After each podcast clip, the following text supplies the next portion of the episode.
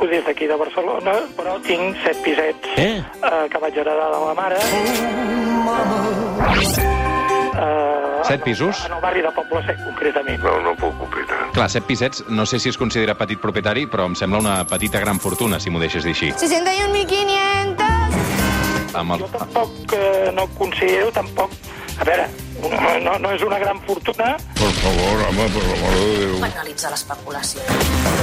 Si deixa la política, es dedicarà a, a fer la tesi doctoral i a la docència? I de què viuré, de què menjaré. No en tindria prou. Jo sóc una bona persona i ho sap tothom. La setmana tràgica.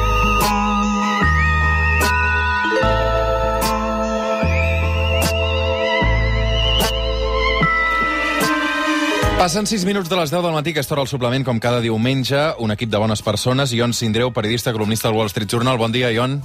Bon dia. Des de Londres. I avui, des de l'estudi de Catalunya Ràdio, Toni Rodon, doctor europeu en Ciències Polítiques, investigador a la London School of Economics, Universitat de Stanford, a Califòrnia, i a tot arreu, professor de la UPF. Bon dia, bona hora, Toni.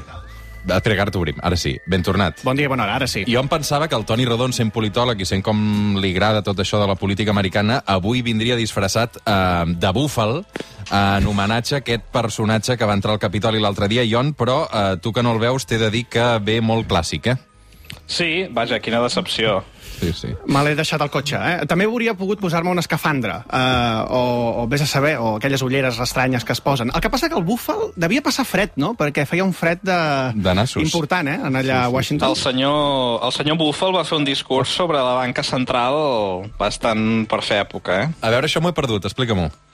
No, jo també em vaig perdre, uh, però és, és, és, és una mena de conspiració eh, mundial per fer-nos creure que la Terra és plana i no ho sé, i que els diners estan fets de formatge, no ho sé, no, em va, vaig perdre pel mig. Uh, Ion, estàs bé tu? Perquè a Londres la cosa realment... Esteu de confinament total, no?, una altra vegada. Uh, sí, però jo és que ja fa molt que no, no, No no faig surts, res. no surts. No. Bueno, surto a passejar. Uh, escolta'm, Toni, um, vull fer un apunt abans de- d'anar a la qüestió d'avui eh, sobre el que ha passat als Estats Units, perquè hem uh, llegit molt el concepte cop d'estat aquests dies, mm. i tu que ets politòleg, m'agradaria posar el punt a la i i si realment es pot parlar de cop d'estat quan uh, el que estem parlant també és de gent disfressada de búfal entrant al Capitoli. Uh, aleshores, uh, és una insurrecció, és un cop d'estat, és un acte de rebequeria, Uh, el fet que Donald Trump també els instigués a, a entrar-hi, a desplaçar-s'hi, sí que es pot uh, anomenar cop d'estat. Uh, tu com ho batejaries, això? Uh, aviam, el primer que hem de dir és que, evidentment, el, els fets que vam veure aquesta setmana uh, als Estats Units són, són greus, hi ha cinc persones mortes, i sobretot hi ha la sensació aquesta de que el país, doncs, de forma palpable, està trencat, està polaritzat, de, de, fins a tal punt doncs, que pot haver-hi agressions físiques, fins i tot. Ara bé, uh, aquesta setmana, per exemple, en aquesta ràdio, a Catalunya Ràdio, sentia un catedràtic de ciència política que deia que el que va passar aquesta setmana era el 23F americà. Uh, en aquest catedràtic jo recomanaria que, mm, no sé, o deixés de ser tortulià o tornés a la política comparada a estudiar un altre cop, perquè cap dels elements que hem vist aquesta setmana es, es pot uh, um, associar a, a un cop d'estat. Tinc ganes de saber qui era, ara. Vull. Un uh, Gabriel Colomer, el Ah, podeu buscar Colomer, sí, sí. ràpidament No, a, sí, sí, el a, coneixem, a la el coneixem. pàgina web. Um, un cop d'estat, en el fons, és, és un intent de, de vulneració de la legali- legalitat institucional d'un estat que l'objectiu que té és usurpar el poder de manera violència i en el qual la violència eh, hi és de forma directa o indirecta. Um, eh, cap d'aquestes coses, de forma massiva, eh, ha existit als Estats Units aquesta setmana.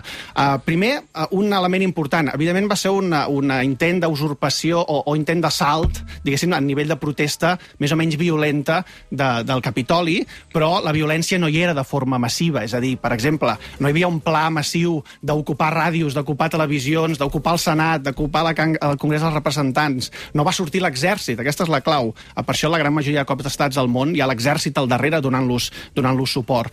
I després perquè um, no hi ha hagut un intent, tampoc, des del propi Donald Trump, d'usurpació de la legalitat constitucional. Això pot semblar una mica estranya, però, per exemple, eh, Donald Trump no ha suspès la Constitució, eh, Donald Trump no ha, ha, ha, ha, ha fet mesures legals que van molt més enllà del que estableix la Constitució. Ho ha dit, això sí, això és perillós, eh? eh, per, de cara sobretot al futur i deixa un país en no massa bona situació. Però en cap d'aquestes coses que han passat poden qualificar-se com a cop d'estat i, per tant, això que ha passat a mi em dona més la sensació que és una protesta que se n'han anat de mares, sobretot perquè al Capitoli eh, la seguretat que hi havia doncs, ha estat mal eh, utilitzada o mal, mal posada en el seu lloc, perquè no pot ser que amb una protesta d'aquestes característiques anunciada des de fa dies eh, la gent tingui tanta facilitat doncs, per entrar en, el, en el, les institucions americanes. De fet, eh, jo em pensava que això encara tindria més més continuïtat, perquè quan parlàvem eh, aquesta setmana de què parlaríem avui a la Setmana Tràgica a través del xat que tenim, eh, jo deia, o sigui, volíem parlar de vacunes, eh, que ara hi anirem també, i jo deia, bé, escolta, més que si això eh, va a més, eh, us faré parlar tota l'estona de Trump. I el Ion de seguida em va dir, ui, escolta'm, això eh, serà la baixa, Ion. Vull dir que tu ja veies que això potser era l'estracanada del moment, eh? Bueno, jo, jo em mullaré perquè, a més a més, eh, ja abans a la secció ja havíem parlat d'això, no? perquè teníem diversos eh, columnistes i tertulians dient que, que hi hauria una miniguerra civil als Estats Units, um, i jo me'n vaig enfotre una mica. Uh, recordo que ho vaig comparar amb les probabilitats que Junior Firpo fos bon lateral, uh, que, que diguem-ne, no són inexistents, però no són molt grans. I, i, i bé, uh, evidentment tots tenim un incentiu per, no, uh, per tornar-nos a, no, a, allò allò, reafirmar el que hem dit, uh, però en aquest cas uh, jo vull fer perquè, a veure, és a dir, uh, evidentment, com diu el Toni, uh, doncs cop d'estat no, però és que jo fins i tot dubto que això sigui una rebel·lió, una insurrecció, o fins i tot un conflicte civil uh, significatiu um, uh, per les, els motius que ha dit el Toni, aquí no hi ha hagut un, un, un verdader motiu no? uh, de rebassar el poder o cap tipus de pla, cap tipus de connivència real de les forces de seguretat, um, i tot tota, i, i de fet tot l'establishment no, ha, ha rebutjat això. Um, el que passa és que sí que és veritat que això reflecteix doncs, això problemes de fons uh, doncs, de la societat americana seriosos, um, però és que a més a més jo crec que ens preocupem tots perquè, uh, recordem, als Estats Units molta gent du armes no? Llavors fa que qualsevol tipus de, de protesta, doncs, eh, de, especialment de la dreta, no? i, i d'aquesta gent propera a la ultradreta o de ultradreta, eh, doncs fa que, eh, diguem, no sigui com una manifestació normal, no? Perquè, eh, doncs, evidentment, eh, però, però és que precisament per això penseu que si tota aquesta gent realment hagués volgut anar a, a fer un cop d'estat o una insurrecció o una rebel·lió i hagués anat a matar, haguéssim tingut, doncs, un bany de sang, no? Perquè tota aquesta gent, en la seva vida normal, i això és un problema estructural dels Estats Units, té armes. Uh, llavors, clar, jo crec que quan analitzem aquestes coses doncs hem de posar-ho no, en aquest context uh, i doncs, uh, hi ha un perill de que si ho exagerem massa, doncs potser uh, doncs, acabem fent un flac favor a les llibertats civils i a la democràcia en lloc de doncs, uh, no, intentar doncs, corregir els problemes de fons. Dos minuts per arribar a un quart d'onze. Deixem els Estats Units de banda. Avui, a la Setmana Tràgica, no parlem de cops d'estats, parlem de vacunes. De quines estratègies estan eh, duent a terme els governs per convèncer la població de la importància de la vacuna. És a dir, el discurs de la por o l'optimisme. Toni. Sí, um, a veure, aquí um, el primer que cal recalcar és que les polítiques de vacunació, evidentment, tenen una perspectiva sanitària i epidemiològica uh, que, evidentment, jo aquí no m'hi posaré perquè sóc politòleg i no vull trepitjar ulls de poll, ni molt menys, i uh, ja tenim uh, epidemiòlegs uh, molt mediàtics avui en dia doncs, que venen als mitjans de comunicació i ens ho expliquen. Ara bé, les polítiques de, de vacunació també suposen un repte des de moltes vessants. Per exemple, suposen un repte, un repte comunicatiu comunicatiu o fins i tot un repte polític, de qui ha de prendre la, la decisió. A nivell comunicatiu eh, o a nivell de polítiques, eh, els estats o els que dissenyen les polítiques de vacunació primer es presenten o tenen un dilema sobre la taula, que és intentar convèncer la gent que es posi la, la vacuna o intentar fer-la obligatòria, és a dir, fer una obligatorietat de la, de la vacuna. La, el que sabem és que mm, en les societats avui en dia hi ha una sèrie de gent, un percentatge mm, baix o alt, depèn de la societat, que no vol vacunar-se. Mm? I aquí està el problema. I què fem amb aquests que no volen vacunar-se? Els persuadim a través de campanyes de comunicació, per exemple, els mitjans de comunicació, o els obliguem a que es vacunin. L'evidència científica ens diu que l'obligatorietat eh, és una de les estratègies més efectives. Mm? És a dir, que si obligues a la gent a que es vacuni... Sí, no genera rebuig? Genera un petit rebuig, però el rebuig que genera no és, és tan, menys, no és, és tan més, massiu. És més petit que, Que el- que els beneficis que n'extreus. Exactament. Ara bé... I a més a més, Toni, sí. això és un debat que, que s'estava tenint a Europa molt abans del Covid, eh? perquè recordeu aquells casos de xarampió que estaven tornant i Sí. de- i d'altres, Sí. no?, d'aquestes malalties erradicades. Tot això estava tornant perquè a Europa eh, doncs el sentiment antivacunes és molt fort i, de fet, aquí hi havia un debat eh, polític i científic eh, significatiu i s'estaven fent doncs, estudis no?, sobre si en aquells països en què hi ha campanyes obligatòries de vacunació, que són eh, més o menys, crec que són menys de la meitat eh, de, dels països de la Unió Europea, eh, doncs funcionava. I com diu el Toni, sembla que, que tant aquí com a Austràlia com als Estats Units sembla que sí. Uh, I, de fet, uh, un estudi que va sortir, uh, l'he vist al, al febrer del 2020, deia que uh, l'obligatorietat sembla estar associada amb un percentatge de vacunats un 3,7 punts percentuals més elevat. Um, per tant, el que diu el Toni, realment, uh, doncs just tenim aquesta evidència que, que una mica sí que funciona, no? Ara bé, aquí eh, és veritat això que diu en Jon, però també és veritat que hi ha un problemet de cara al futur, que és que tota aquesta evidència científica que tenim s'apliquen polítiques de vacunació de malalties que, diguéssim, no tenen una presència mediàtica o no han tingut una presència mediàtica tan important i, sobretot, no han estat tan polititzades. En alguns contextos sí, eh, com als Estats Units, però molts altres no. Per tant, encara hi ha un cert dubte de què hem de fer. No? És uh, una primera pota, que és l'obligatorietat, sembla que funciona. Ara bé, sembla que la gran majoria de països europeus, de moment, no estan per aquí. I el que intenten fer és la persuasió, és, a dir, intentar convèncer a la gent perquè eh, es posi la vacuna de, de la Covid. A partir d'aquí, el gran dubte és com ho fem per convèncer la gent per tal de que eh, aquella gent que té reticències que es posi la vacuna. Pensem que en alguns casos no estem parlant de poca gent. Eh, en països com França, el 33%... Hi ha molts antivacunes a França. Hi ha molts antivacunes i, de fet, només el 33% de les persones eh, asseguren que se la, se la volen posar. I, eh, I en països, en altres països europeus estem parlant d'uns percentatges molt, molt similars. Llavors, a partir d'aquí, el que les estratègies que s'han d'utilitzar són diverses i no hi ha una clau màgica. I eh, una mica depèn el grup, amb el, en el grup al qual et dirigeixes. Per exemple, eh, eh, se sap que fer servir només números i dir l'efectivitat a nivell estadístic que té la vacuna, això funciona més aviat poc, sobretot amb gent doncs, que és reàcia, perquè això de l'estadística sí? i els números Però, no l'acaben però per d'entendre. exemple, eh, a mesura que ara es comença a vacunar també a Catalunya i tu veus que totes aquestes persones que han rebut la vacuna, doncs els efectes secundaris que tenen són pocs, eh, la cosa va més o menys bé, eh, no creus que tots aquests eh, antivacunes d'entrada ja doncs comencen a ser més eh, proactius a rebre-la? Un, una part sí, però una altra part eh, no només. Necessita un altre tipus d'ar- d'argument i necessita aquells arguments que se'n diuen arguments afectius, és a dir, apel·lar a les, a les emocions, apel·lar doncs, a la necessitat de que tu fas un esforç eh, eh, emotiu, eh, fins i tot de la comunitat, per tal de vacunar-te. Per exemple, en molts països, al, al Regne Unit, allà on és en Joan ara mateix, quan et vacunen, et donen com una mena de braçalet, o et donen com una mena d'enganxina que et poses al pit per una mica mostrar aquest sentiment de grup, de que tots estem en contra del virus, de que tots estem a, a favor d'aquesta vacunació. I aquesta pressió social, aquest ar a- argument, en el fons emotiu, que apel·la a les emocions, doncs pot ser molt efectiu de cara doncs, a arribar a molta, a molta gent. Per tant, una mica el resum seria que amb fets no només eh, s'aconsegueix arribar a, aquesta, a aquestes persones antivacunes. Necessitem fets, arguments emotius i també eh, una apel·lació eh, molt sovint als experts o a gent líder de la societat. En aquest sentit, és important que els polítics es vacunin i que no es polititzi el tema, però també és important que altres líders de la societat, que són líders morals, doncs surtin eh, i se'ls gravi vacunant-se i surtin dient doncs, que no hi ha cap problema. Eh, és a dir, aquí encara eh, eh, ni a Catalunya ni, ni a tot l'Estat no hem vist la imatge d'un Benjamin Netanyahu rebent la primera vacuna, com sí que ha passat a, a, a Israel. Um, clar, uh, uh, també ha passat al Regne Unit. Boris Johnson sí que hem vist la imatge de posar-se la vacuna un dels primers, no, Ion?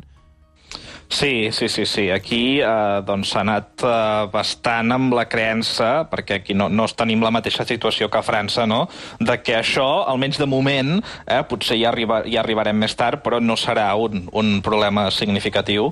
Um, jo el que em pregunto, Toni, eh, tu que ets politòleg i, i veig que no, no estàs gaire a favor en el tema de la vacunació, d'aquell eslògan de fets, eh, no paraules, eh, però em pregunto, eh, ja que esmentaven França, què et sembla això d'aquest Consell Ciutadà que han muntat? Eh, que són 35 persones de carrer, no?, seleccionades així aleatòriament, eh, que sembla que donen eh, doncs, opinió sobre quina és la- l'estratègia de la vacuna, eh, que de moment està sent un desastre, perquè França és un dels països més lents a vacunar. O sigui, un Consell Ciutadà que assessora el, Sí. el govern. Sí, són Sí, 35 molt persones. politòleg, això. Sí? Però, Sí. però, però, però no- té poder eh, executiu o és un... No, no, només consultiu o d'assessor en el govern. És una idea de, de Macron que ha, ha triat de forma aleatòria, diu, a 35 persones que donen l'opinió sobre la seva estratègia de vacunació.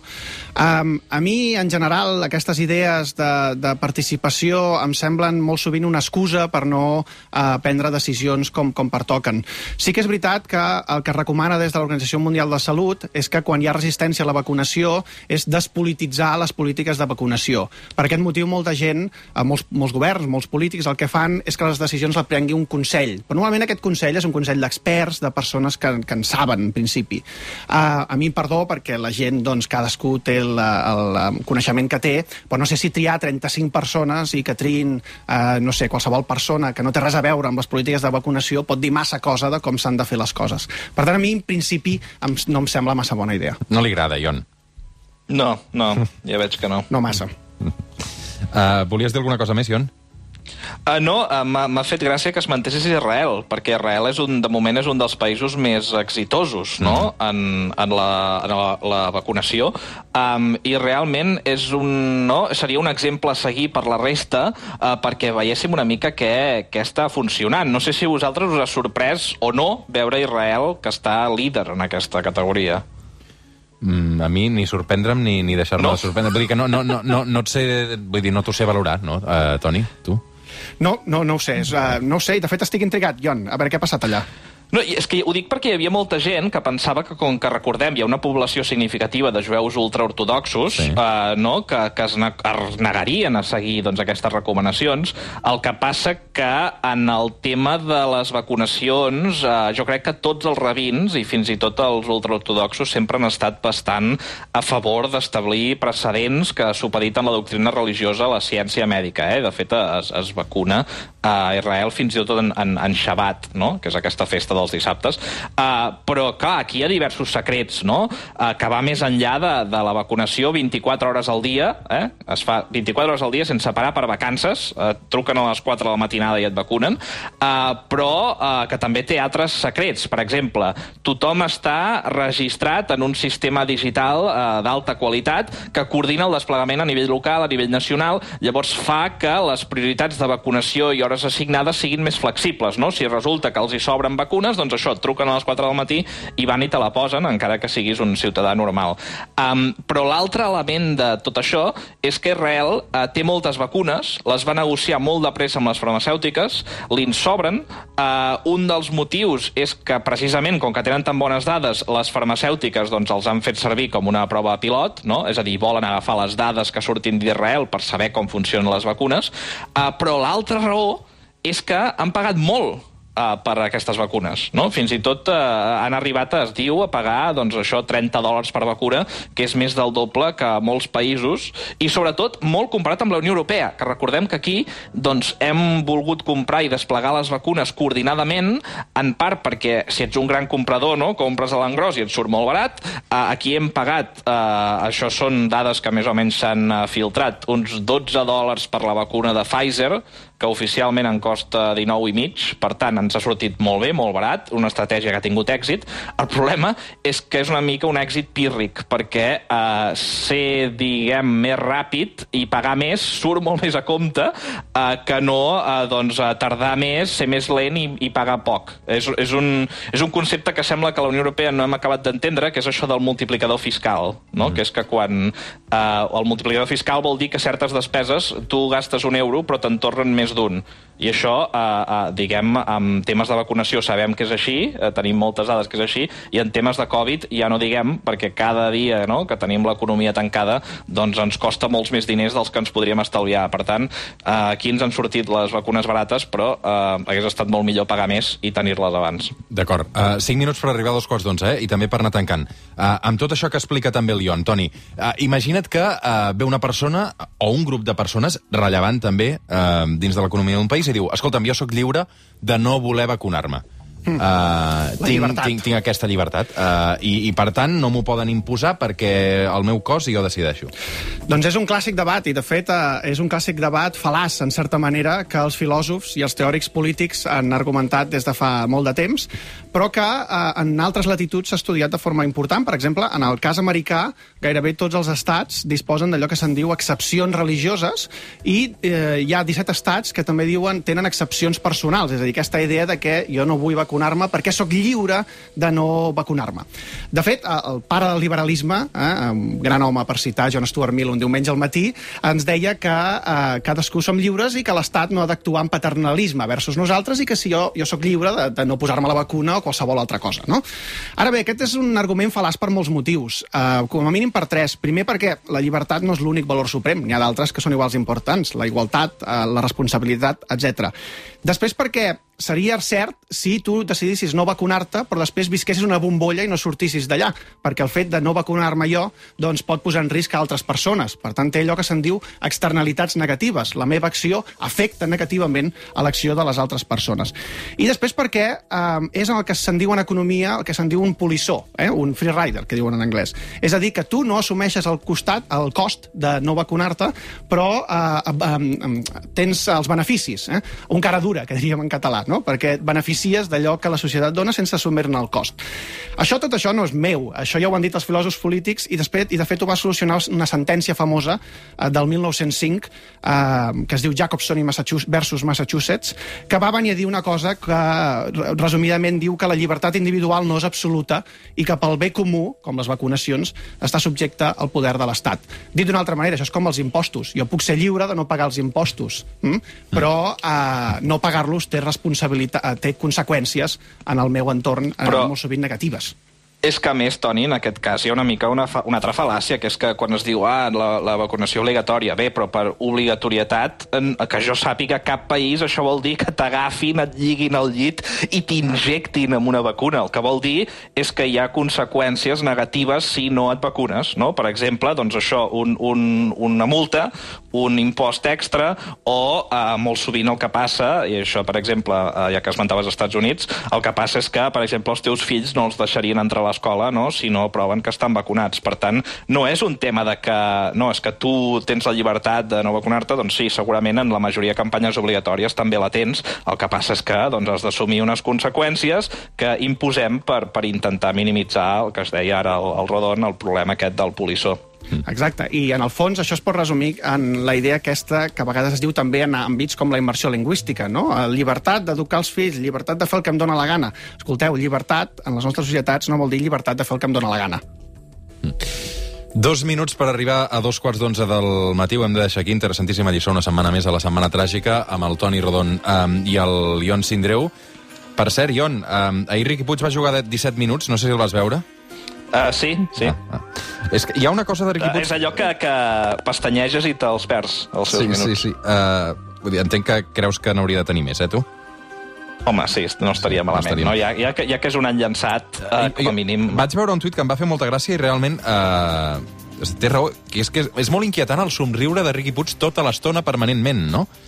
Mm. Sí, jo, jo l'altre dia, um, no, sé, no sé qui ho deia, em sembla que podia ser uh, Juliana Canet, que deia que Riqui Puig és una mica no, la- l'essència de Convergent.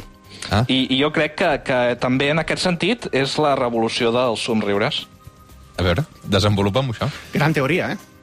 No, no, és això. Jo crec que, que Riqui Puig eh, sobre el camp representa doncs, una part significativa de la societat catalana avui en dia i la seva relació amb la política mm -hmm. i eh, doncs un, un, la part de la, la societat eh, i de la política que representa està molt identificada amb aquesta idea desafiant no? de, de, de, de que les, eh, no? les penúries s'afronten amb somriures i, i, i tot sortirà bé. Jo crec que per això somriu. Clar, seria una mica... El seu nom seria Riqui Puig, tot anirà bé, no? Ion?